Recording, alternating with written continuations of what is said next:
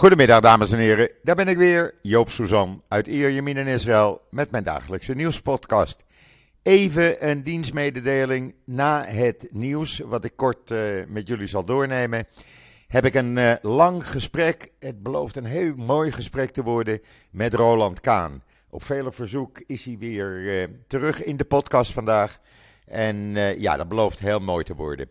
Ik ga hem zo dadelijk even bellen na het nieuws dus. Ja, en dan eerst maar even het weer. Ja, nou, er is geen gezelligheid aan vandaag. Het is een beetje frisjes, 13 graden, 14 graden. Bewolkt, af en toe wat motregen. Nou ja, je kent dat wel. Dat, uh, dat type weer dus. Maar goed, het weekend probeer, uh, belooft het mooi te worden. vanavond begint het weekend, zoals jullie weten. En ja, dan gaan de temperaturen ook de komende dagen wat omhoog. En wat meer zon. Nou, dat wordt hartstikke lekker. En dan eerst even wat nieuws. Eh, ik kreeg een persbericht door wat ik wel hartstikke belangrijk vind. Het grootste oorlogsarchief van Nederland wordt vanaf 2025 online doorzoekbaar. Het is 4 kilometer archief eh, van het Nationaal Archief. En dat gaat allemaal over de Tweede Wereldoorlog. En eh, ja, iedereen kan dat dan eh, gaan inzien online. Hoe mooi is dat? Uh, er zitten ongeveer 300.000 uh, dossiers in. Uh, allerlei mensen die verdacht werden of worden van collaboratie met de Duitsers. getuigenverslagen, lidmaatschapskaarten van de NSB, dagboeken, gratieverzoeken. Nou ja, van alles en nog wat. Hartstikke interessant. Dus over een kleine twee jaar voor iedereen beschikbaar online om te bekijken. En dan van cockpit naar operatiekamer. Jawel, de headsets die Israëlische piloten gebruiken eh, in hun straaljagers, die zijn door een Israëlisch bedrijf omgezet naar headsets voor oogchirurgen. En worden nu ook na Amerika, nu ook naar uh, de Europese landen uh, geëxporteerd en daar gebruikt. Het is uh, van het bedrijf Bionics One. En uh, ja, het is zo ontworpen dat uh, voor oogchirurgen chirurgen het opereren hartstikke makkelijk wordt. Er zit een heel verhaal over in Israël Nieuws wat je kan lezen.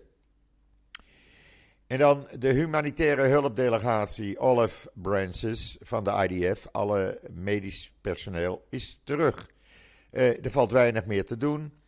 Ze hebben ruim, uh, bijna 500 mensen behandeld, waaronder ook Syriërs. Er is een hele reportage met foto's en video in Israël Nieuws te zien. En uh, ja, ik vond het wel interessant, het persbericht, moet ik eerlijk zeggen. En dan Barak Ravid, een van de bekendste journalisten in Israël.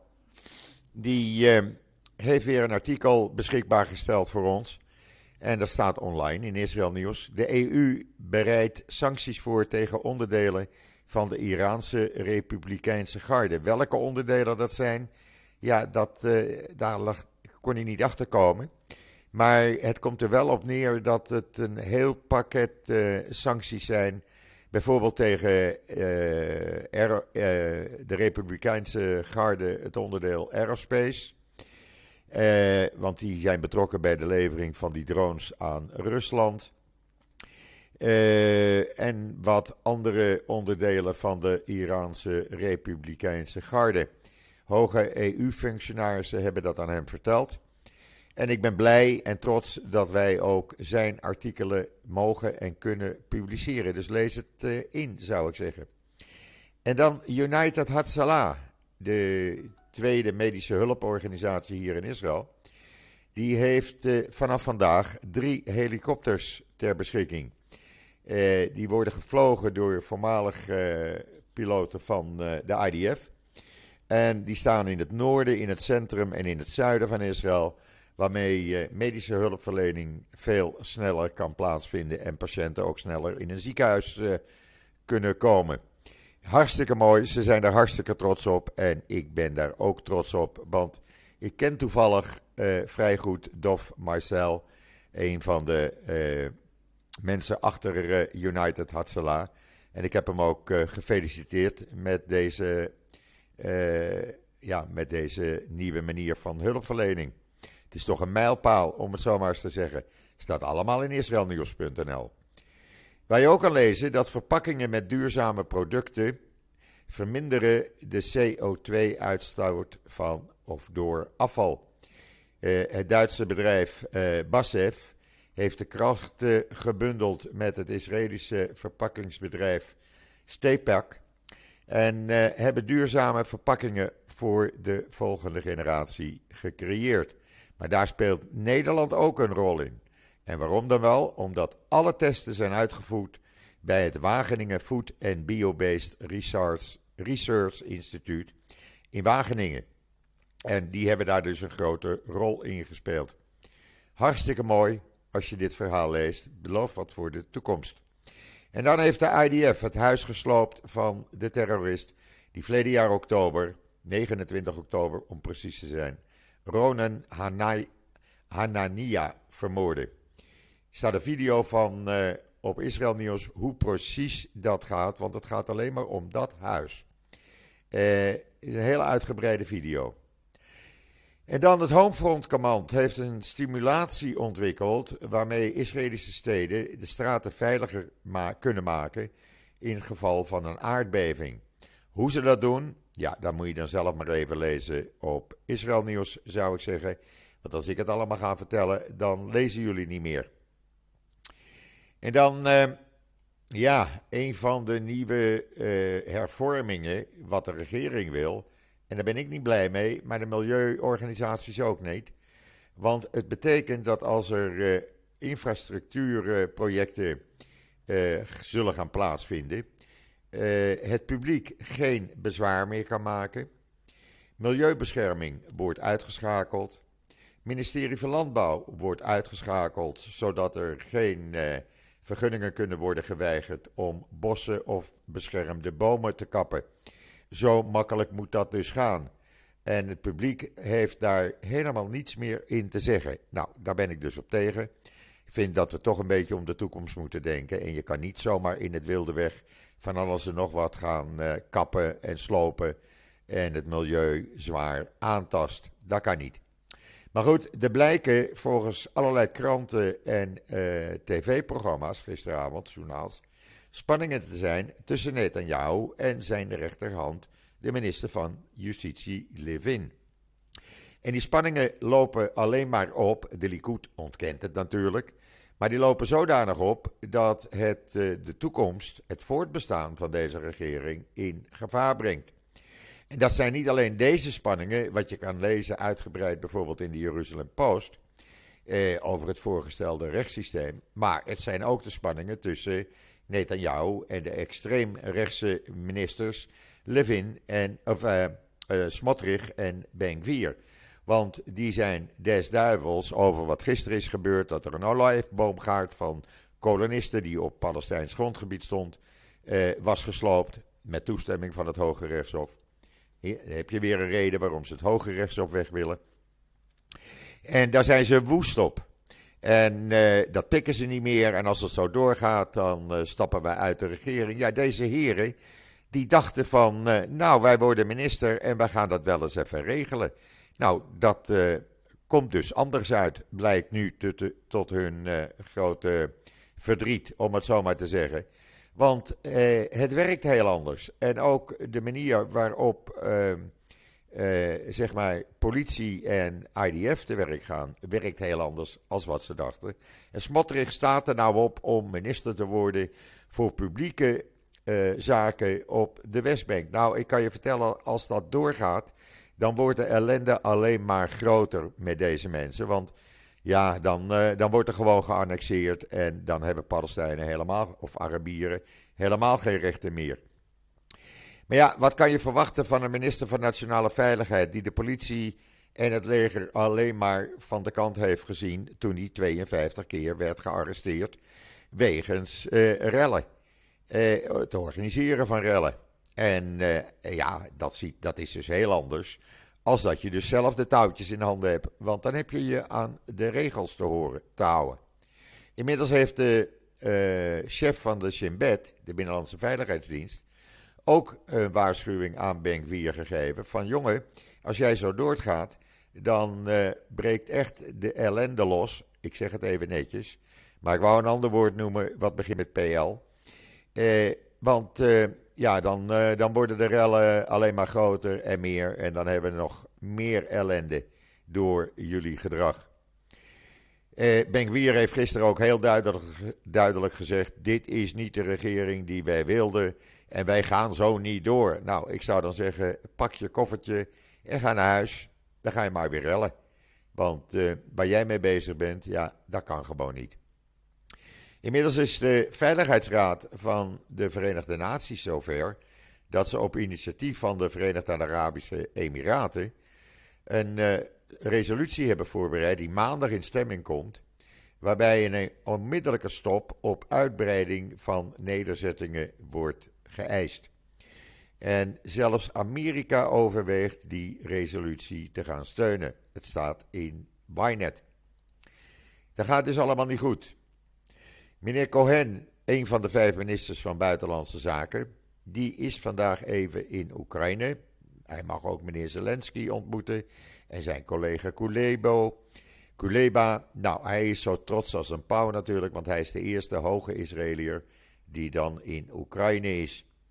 Nou, we zullen zien eh, hoe dat allemaal gaat uitpakken. Hij is eerst naar Babi Yar gegaan, heeft daar een krans gelegd waar 500, 450 uh, uh, mensen werden afgeslacht uh, in september 41 en 30.000 Joden werden vermoord.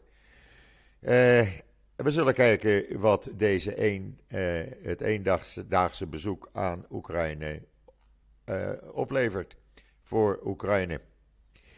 En dan vanmorgen, ja, er was een stroomstoring en de treinen deden het niet meer. En wat zegt de spoorwegen dan? Mensen, ze rijden niet meer, zoek het maar uit. Eh, we proberen bussen in te zetten, maar ja, dat haalt ook niks uit, want de files zijn zo groot, normaal al, dat die bussen er ook niet doorheen komen. Dus eh, ja, veel mensen bleven dan maar thuis. En dan heeft meneer Netanyahu weer een idee. Die zegt, weet je wat, als jullie eh, op staatskosten nou eens even mijn privéhuizen gaan verbouwen en aan gaan passen, gaan renoveren, dan zouden wij, Sarah en ik, dat heel erg op prijs stellen. Met andere woorden, de belastingbetaler kan de renovatie van zijn huis in Jeruzalem, waar eh, die nu dan eh, residentie ook houdt, en zijn huis in Caesarea, waar die in het weekend verkeert, eh, even aanpassen en renoveren. Ja, ik denk niet dat het publiek daar blij mee is. Inmiddels hebben een aantal rechtse, bekende rechtse uh, politici gezegd van wij gaan ook meedoen met de demonstraties te beginnen om komende zaterdag. Er zijn uh, allerlei uh, ex-ministers en uh, ex-Knesset-leden van de rechterpartijen, rechtse partijen, die mee gaan demonstreren. Demonstraties worden uitgebreid trouwens, want er komt komende maandag ook weer een algemene landelijke staking. En uh, men gaat uh, ja, weer zorgen dat er honderdduizenden mensen naar Jeruzalem komen. Dus dat uh, wordt alleen maar groter en groter. Dat gezegd hebbende ga ik kijken of ik Roland Kaan kan bellen. En dan gaan wij een heel mooi gesprek aan, want ik weet de onderwerp al. Even een seconde geduld alsjeblieft. Nou, het is weer gelukt, dames en heren. Ik heb Roland Kaan aan de andere kant van de lijn. Roland, goedemiddag. Hoe is het daar in Amsterdam? Hoe is het daar? In Amsterdam is het, in Amsterdam is het grauw, het is grijs, het is uh, niet koud. Nee. Um, het is uh, ja, echt uh, Hollands weer, zou je kunnen zeggen. Ja, nou, dat en, hebben wij hier ook. Grijs, grauw en niet koud. Nou, dat is toch niet uh, relaxed, ik moet zeggen. En, nee, maar ja, het weekend wordt mooi. Het weekend wordt mooi hier. Gelukkig. 20 graden. Ja. Dus, uh, nou, dat is beter. Ja, dat ja. hebben we in Nederland niet heel, heel vaak in februari. Nee. Maar... nee. Ja. Roland, um, het antisemitisme, dat steekt weer de kop op. En enorm de kop op. En eh, dat merken jullie ook in Nederland natuurlijk. Het is niet alleen eh, in Amerika waar het enorm toeneemt en in Engeland, maar ook in Nederland, dacht ik zo. Ja, dat, dat, dat is een hele zorgelijke ontwikkeling. Eigenlijk is antisemitisme nooit weg geweest. Nee. Natuurlijk vanaf de tijd van de Romeinen eh, de Romeinen die het christendom omarmd hebben als ehm, de nieuwe eh, godsdienst waarmee het Romeinse Rijk ehm, zeg maar, de macht over de wereld heeft gekregen via de, de Pope of Rome, hè, de, de, de, paus, de Roomse paus.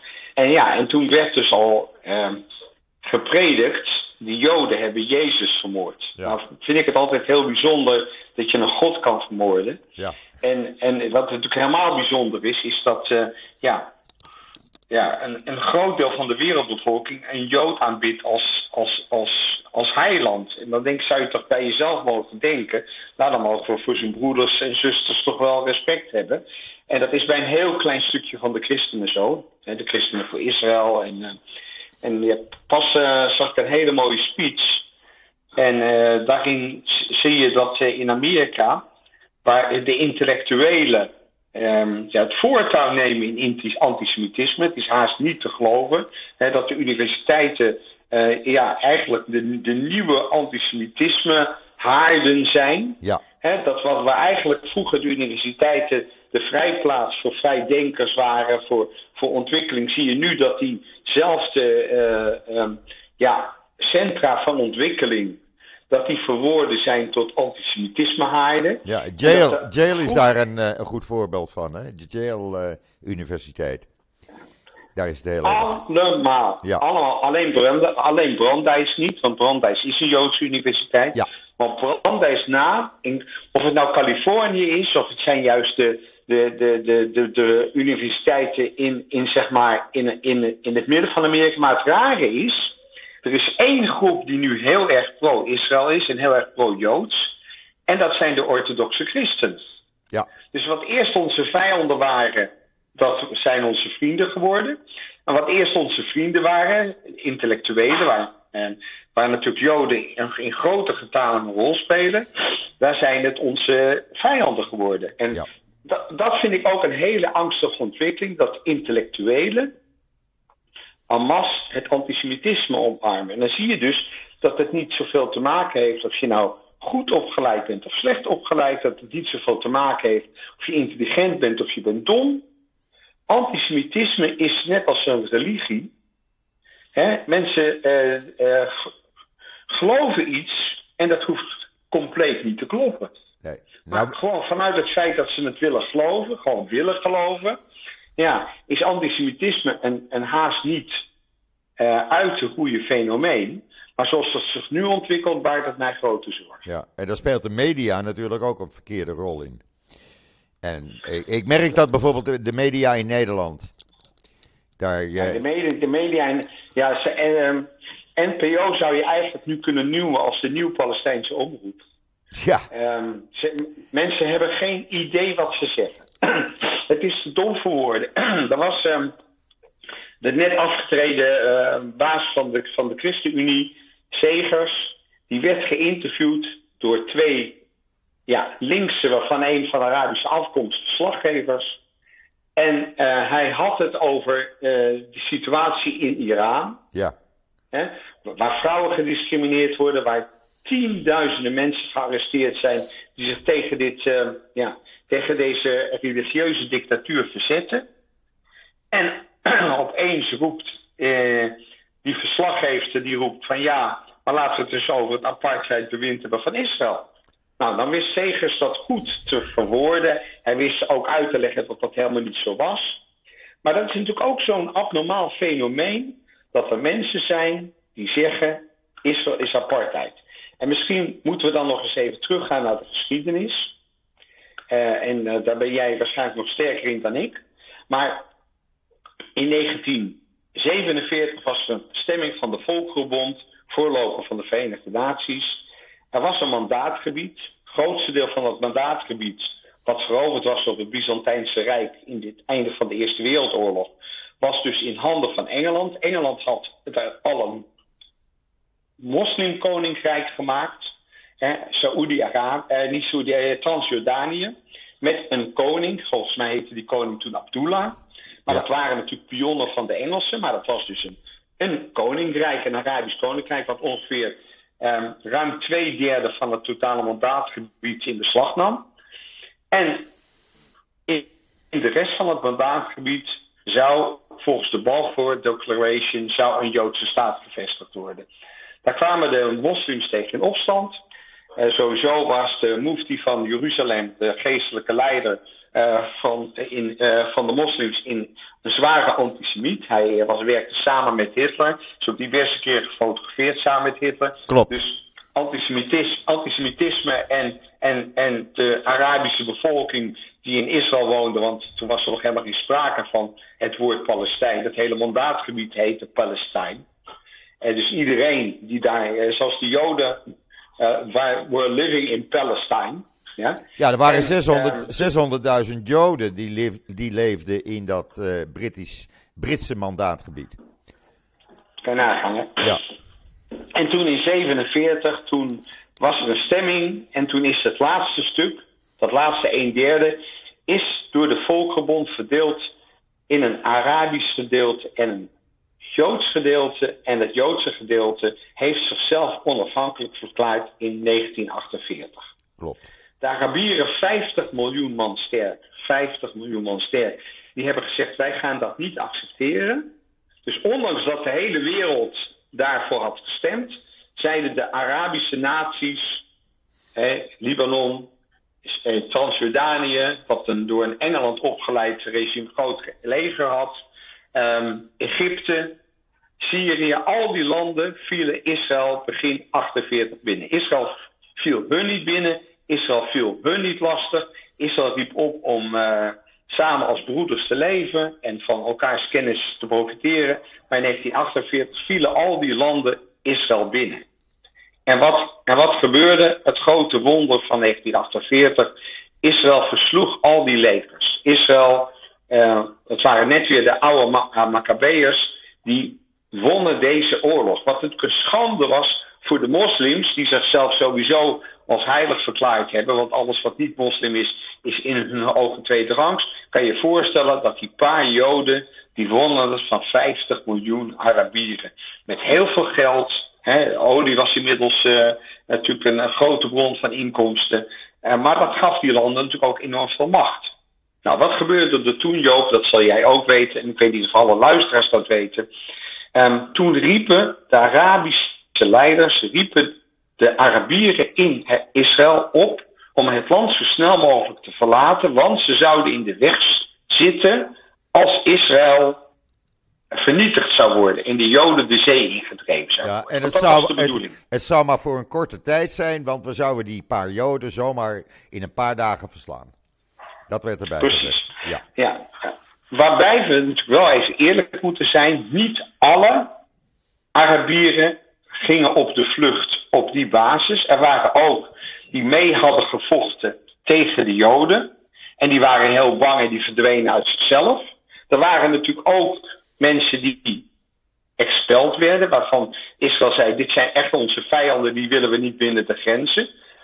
Alleen de zogenaamde nachtbaar, waarin de Joden verantwoordelijk zouden zijn voor de vlucht van al die Arabieren, dat is natuurlijk een grote onzin. Wat er tegelijkertijd gebeurde, is dat er ongeveer 800.000 Joden woonden in de Arabische naties. Iran, Irak, Syrië, eh, Libanon, eh, veel in Marokko, honderdduizenden. En want eh, tijdens de Tweede Wereldoorlog had de koning van Marokko gezegd: Wij hebben geen Joden, we hebben alleen Marokkanen. Dus die heeft heel veel Joden beschermd, waardoor er nauwelijks Joden overleden zijn in de Tweede Wereldoorlog in Marokko. Um, Marokko was, de koninklijk huis was en is een grote vriend van de Joden. Um, maar wat gebeurde er toen? Iedereen werd door die Arabische haat, hè, door die moslimhaat moet ik zeggen, Arabische moslimhaat, werden de Joden van hun bezittingen af. Wacht even, nou viel je even weg. Wacht even. De Joden die moesten dus weg uit die Arabische landen, konden vaak hun bezittingen niet houden. Um, werden, er werden ook hele pogroms gehouden. Zijn ook heel veel Joden overleden. zoveel Joden, ongeveer 800.000 Joden, zijn gevlucht uit Arabische landen, als dat de Palestijnen gevlucht zijn. Toen was het voor de Palestijnen nog niet bekend, hè? Arabieren, vooral moslims, gevlucht zijn uit Israël. De Druzen zijn gebleven, wat ook een moslimstam is. De christelijke Arabieren zijn gebleven. En er zijn ook best nog veel moslims gebleven. En die zouden, denk ik, voor geen geld willen ruilen met moslim zijn in een moslimland. De moslims die ik in Israël tegenkom, uh, en zeker de vrouwen, die heel veel beter ontwikkeld zijn dan in de meeste moslimlanden, waar ze enorm veel beperkingen hebben. En wat laat ons wel zijn, Israël is het enige land in het hele Midden-Oosten dat een echte democratie is. Hoewel daar nu wel wat problemen zijn, maar vergeleken bij de Arabische landen, ja, is Israël het enige land met gelijke rechten voor iedere seksuele voorkeur, voor man, voor vrouw, wat in de Arabische landen dus absoluut niet zo is. En nou komt dus de clue, wat riepen die gekken, dat Israël dus een, een apartheidsland is. Ja? En wat, wat bedoelden ze daarmee?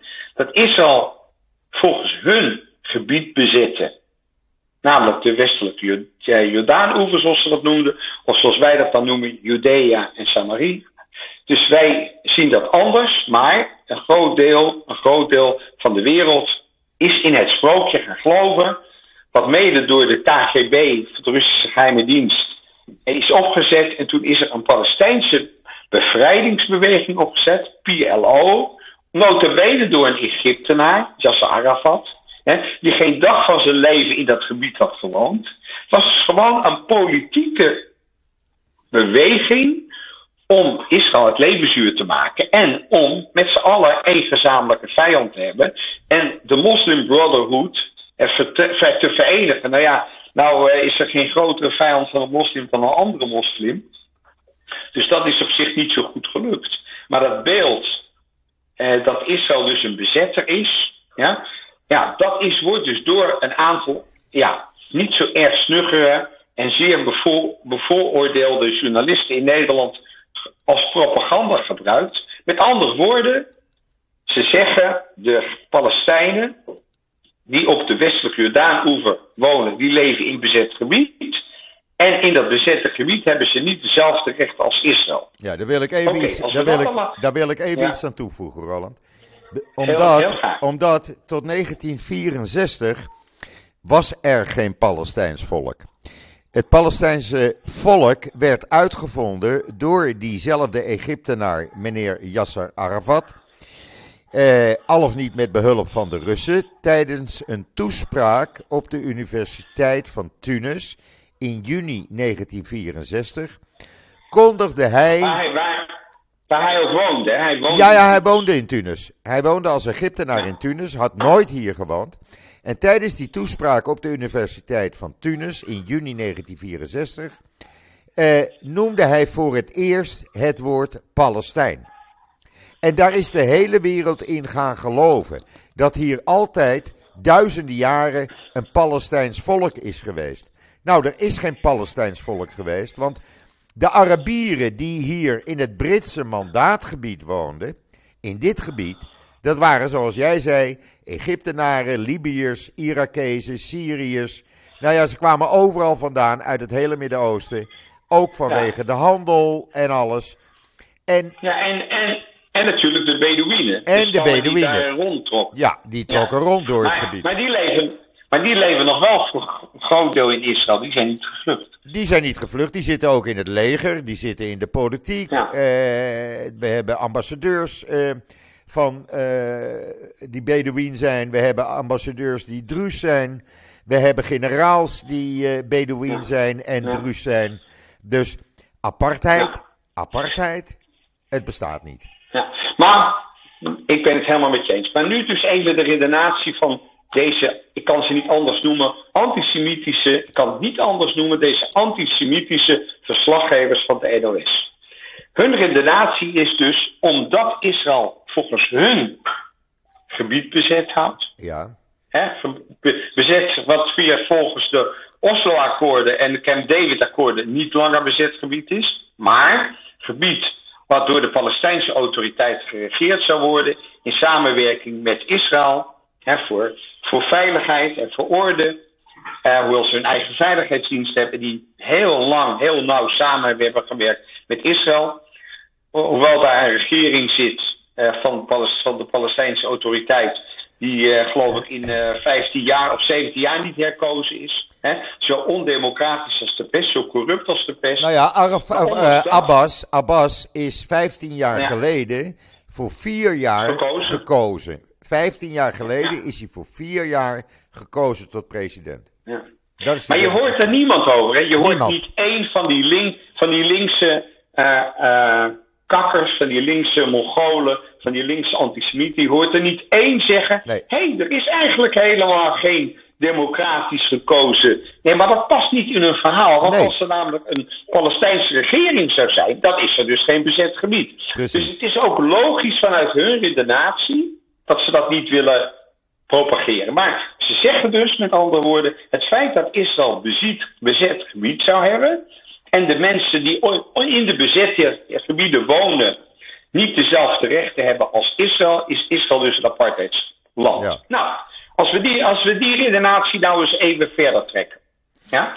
Op dit moment houdt China een heleboel gebied bezet. Ja. Ze hebben uh, Tibet veroverd. Ze hebben, uh, uh, proberen nu Taiwan te veroveren. Op dit moment heeft Indonesië heeft de Molukkers geannexeerd en allerlei andere gebieden. De Molukkers hebben wij als Nederlanders ook zwaar verraden. Er zijn een volk van verraders, helaas. Um, de Engelsen hebben nog steeds de, de Commonwealth, de British Commonwealth, eh, waar een heleboel landen nog samenwerken. Ik zou niet willen zeggen dat ze bezetten, maar er is natuurlijk een. Frankrijk, Portugal en Spanje hebben nog steeds koloniale gebieden. Wij hebben in Nederland nog steeds eilanden eh, in de Caribbean. Ja. Ja? Met andere woorden, iedereen die dus ooit gebied bezet heeft, is dus een apartheidsland volgens deze beschrijving. Met andere woorden, er zijn haast alleen maar apartheidslanden. Ja. Met andere woorden, het feit dat Israël opnieuw uitgezonderd wordt, is voor mij een nieuwe vorm van antisemitisme. Eh, en, en, eh, en, ik, en ik, ik, uh, ik denk ook dat wij met elkaar hè, beter moeten samenwerken om dat antisemitisme, vooral ook op social media, te bestrijden. Er is een fantastische organisatie, Stand With Us, die is begonnen in Amerika en in Israël. Daar is nu ook een Nederlandse afdeling van. Ja. Um, die Nederlandse afdeling die is heel goed in moderne uh, social media. En die richt zich op de jeugd, waar CIDI, de grote organisatie in Nederland, die uh, informatie geeft uh, over de situatie in Israël. Um, ja, zich meer richt op de oude media, meer uh, achter de schermen opereert, meer um, um, ja, beïnvloeding, hoewel dat een verkeerde klank heeft, maar mensen op de hoogte stelt van de andere kant van het verhaal. En want het verhaal heeft natuurlijk twee kanten. Tuurlijk. Hè? Wij, geloven dat die, wij geloven dat die andere kant van het verhaal de juiste kant van het verhaal is.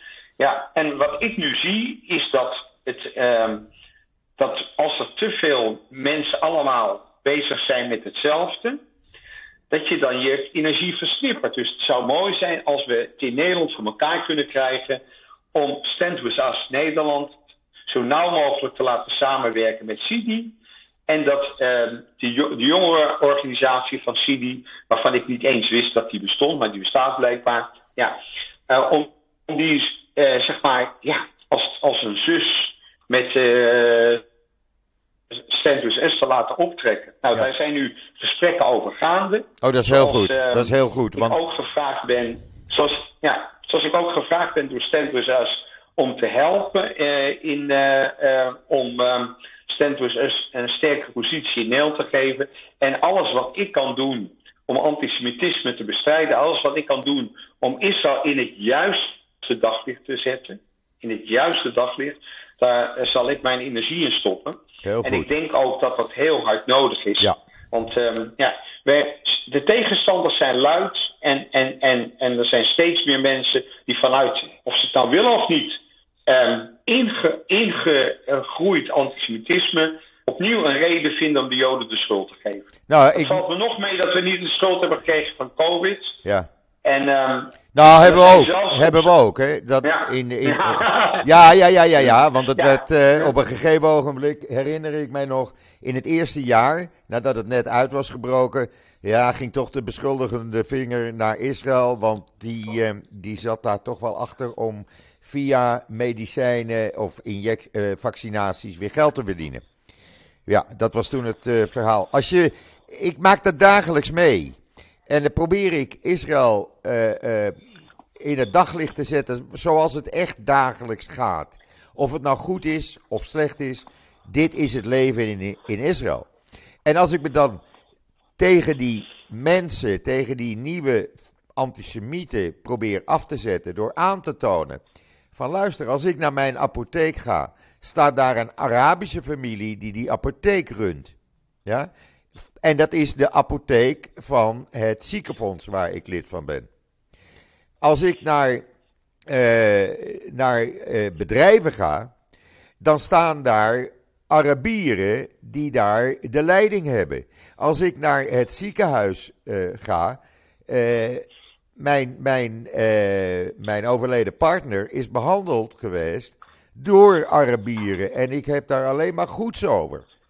Het staat allemaal op gelijke voet. Er is in Israël geen verschil tussen Arabieren en Joden. Iedereen is gelijkwaardig. ja. En dat zie je Maar het beste, niet. het beste maar, terug. Maar Joop, dat is, Ja? dat is niet wat de, wereld, wat de wereld wil geloven. Nee, maar het is En de realiteit en dat- hier. en- ja, nee, maar dat ben ik zeer met je eens. Ik kom natuurlijk al in Israël vanaf Ja. mijn negentiende. Ja, En ook ik zie dat iedere dag. Ja? Als je in, Jaffa gaat eten, dan eh, is het grootste deel van de tentjes is in handen van Arabieren. Hè? Ja, als, jij, de- als, jij op zaterdag, als jij op zaterdag naar Abu Ghos gaat, vlak eh, onder Jeruzalem, dan zitten daar 10, 20.000 Israëlische Joden te eten in Arabische restaurants. Absoluut. Ja, en je, En alles, gaat in, en alles gaat in harmonie en vrede. absoluut. En, en natuurlijk is het heel verschrikkelijk dat er af en toe terroristische aanslagen zijn. Maar ja, ik denk dat op dit moment Israël veiliger is dan Nederland. Dat denk ik ook. Ondanks al, deze, ondanks al dit gedoe. Eh, want eh, in Nederland kan je als hulpverlener niet eens de straat op, want dan word je al in elkaar gebeukt. Ja. Ja? Nou, er is Eh, er hier, stond- er stond- hier is respect voor er hulpverleners.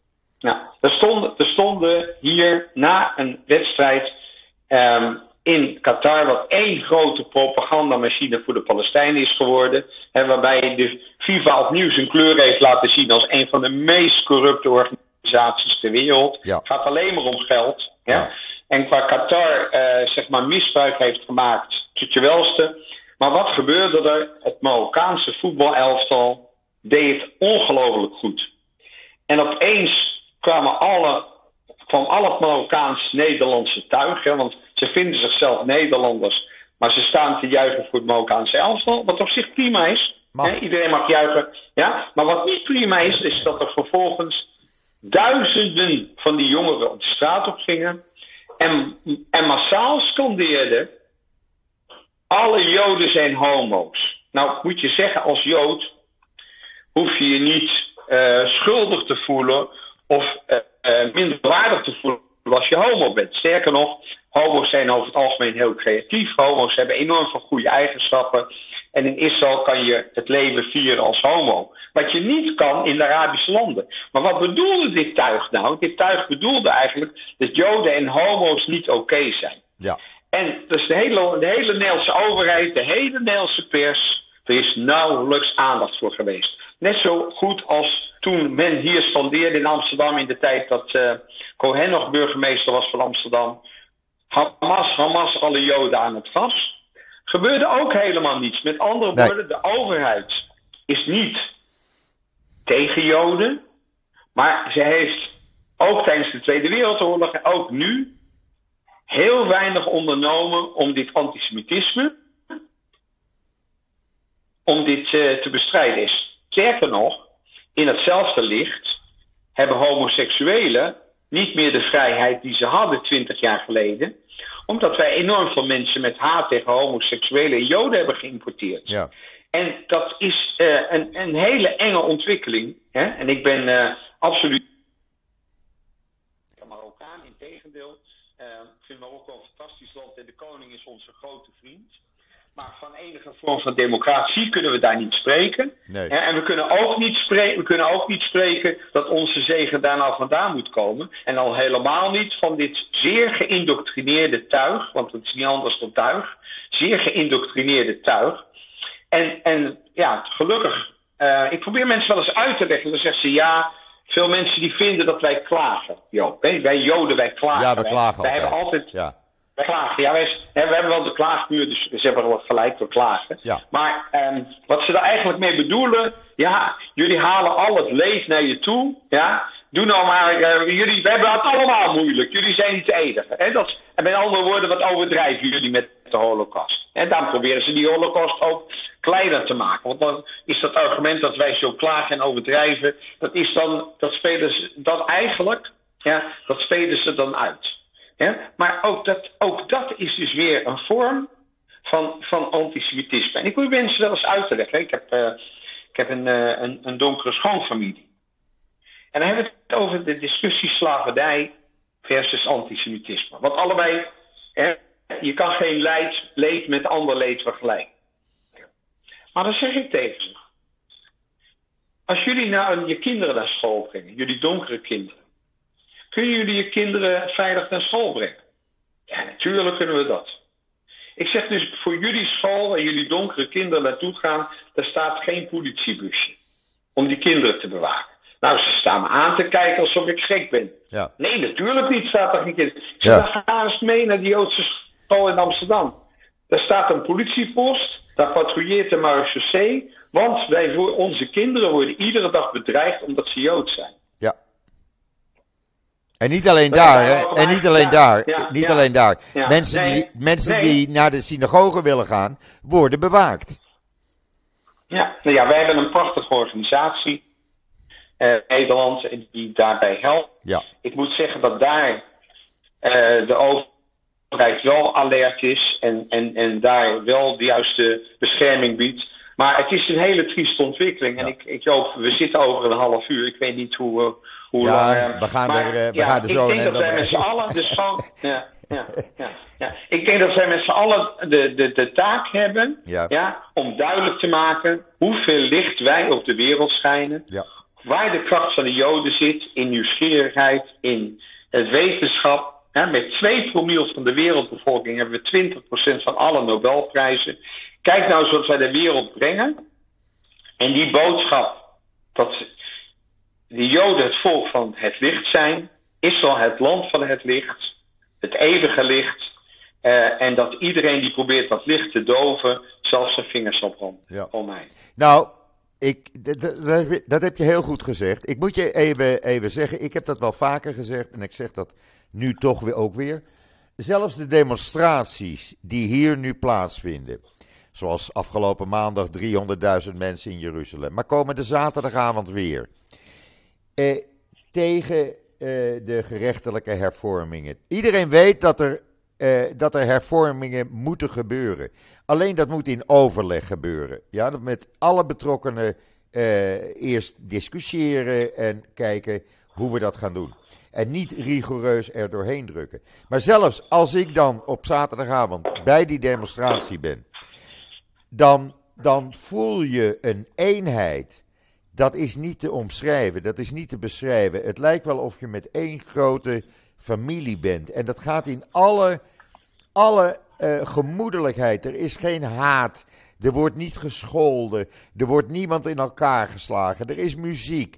Er wordt democratie geroepen. En iedereen is één. En ja, dat vind ik iets zo speciaals om dat mee te maken omdat ik dat in geen enkel land bij demonstraties zie. Als ik in Nederland demonstraties zie, eh, en ik zie de Nederlandse televisie af en toe, dan zie ik daar rellen uitbreken. Nou, hier zijn gelukkig geen rellen. En dat gaat in alle gemoedelijkheid. Er staan twee politieagenten en die houden dan hier, zoals hier bij mij op de hoek, 5000 demonstranten in de gaten. Eh, dat is alles. En dat is bijzonder. Dat is ook bijzonder om mee te maken. En er zitten ook Arabieren bij, hè? Daar ook Arabieren demonstreren onder het publiek. Ja, maar die, die wet, die wet eh, geldt natuurlijk voor alle Israëli's. Ja, precies. En nogmaals, is, Israël is geen seculier land. Israël is geen eh, religieuze eh, dictatuur. Israël is een democratisch land. Ja. Dat er nu zo'n extreemrechtse regering zit, ja, dat is ook de keus geweest van uh, en, en, en zijn volgelingen. Want die hadden natuurlijk ook kunnen samenwerken met het rechtse blok. Uh, dus dat er is een democratisch gekozen regering. Met een aantal zaken waar zij nu mee bezig zijn, die hebben niets te maken met democratie en hebben ook niets te maken met waar Israël voor staat. Nee. Maar die hebben met persoonlijke belangen te maken van een aantal ja, verkeerde leiders. En um, ook dat is zo, zo, oud als de weg naar Rome. Maar ook dat is democratie. Ook dat is democratie. Ook dat is democratie. En ook daar zal je zien dat er een correctie komt en dat dit probleem opgelost wordt. Dit probleem wordt ook opgelost. En zoals, zoals Lapid het zei en Bennett het zei gisteravond. Uh, die willen dus een uitstel van uh, al die besprekingen voor de komende 60 dagen. En daar zei Bennett heel terecht: luister, we hebben 75 jaar gewacht. We kunnen ook nog wel 60 dagen erbij. En dat vond ik een hele goede opmerking. Ja, nou ja, dat, dat is het, het gezonde verstand. En het feit dat die meningen allemaal gegeven kunnen worden. zonder dat mensen gearresteerd worden. zonder dat mensen uh, opgehangen worden aan hijstranen. Nee, de, de, Arabische landen kunnen nog heel veel van installeren. Ja. En dat besef dat is bij, ook bij een hoop landen doorgebroken. Maar ja, de macht en het, en het propagandamechanisme van al die jaren antisemitisme en nu al die jaren anti-Israël, ja, dat is iets waar wij nu echt met hand en tand tegen moeten vechten. Ja, moet ook. En uh, ik, nodig alle, ik nodig alle luisteraars uit om een bijdrage te leveren. Doe een storting aan Sidi of doe een storting aan Stand With Us. Want we hebben middelen nodig om te zorgen dat we tegenwicht bieden tegen deze enorme ja, orkaan van antisemitisme. Roland, ik vond het een prachtige discussie en ik denk dat dit een mooie afsluiter is geweest. Dankjewel, Zoals je dat nu gezegd en hopelijk hebt. tot gauw weer. Ja, we gaan dat zeker doen. over- spreken we elkaar weer over twee weken of drie weken? Ja, want ik, eh, ik word regelmatig, eh, als ik jou een, eh, zeg maar een dag of tien niet in de podcast heb gehad, dan beginnen mensen alweer te vragen van Joop, wanneer komt die weer? Want het is zo interessant. Nou, bij deze dus. Nou, over, veer, over 14 dagen. ja, vanzelf, we weer, eh, vanzelfsprekend. ja? Vanzelfsprekend. Dank, Dank voor je bijdrage. Dank voor je bijdrage en Shabbat Shalom. Shabbat shalom. Tot ziens. Bye bye. Bye, bye. Ja, mensen, ik hoop dat jullie dit eh, interessant hebben gevonden. Ik wel, in ieder geval. Ik keek er ook erg naar uit. Want ik had het natuurlijk al van tevoren met Roland eh, doorgenomen gisteren. Eh, ik, eh, eh, ja, ik zou zeggen, eh, ik wens iedereen een, een heel mooi weekend toe. Shabbat shalom vanuit Israël alvast. Ik sta zaterdagavond weer op de bar- barricade. En dat ga ik zeker doen. Want ook dat is een vorm van democratie. En ik ben de zondag weer. En zeg zoals altijd: tot ziens. Tot zondag.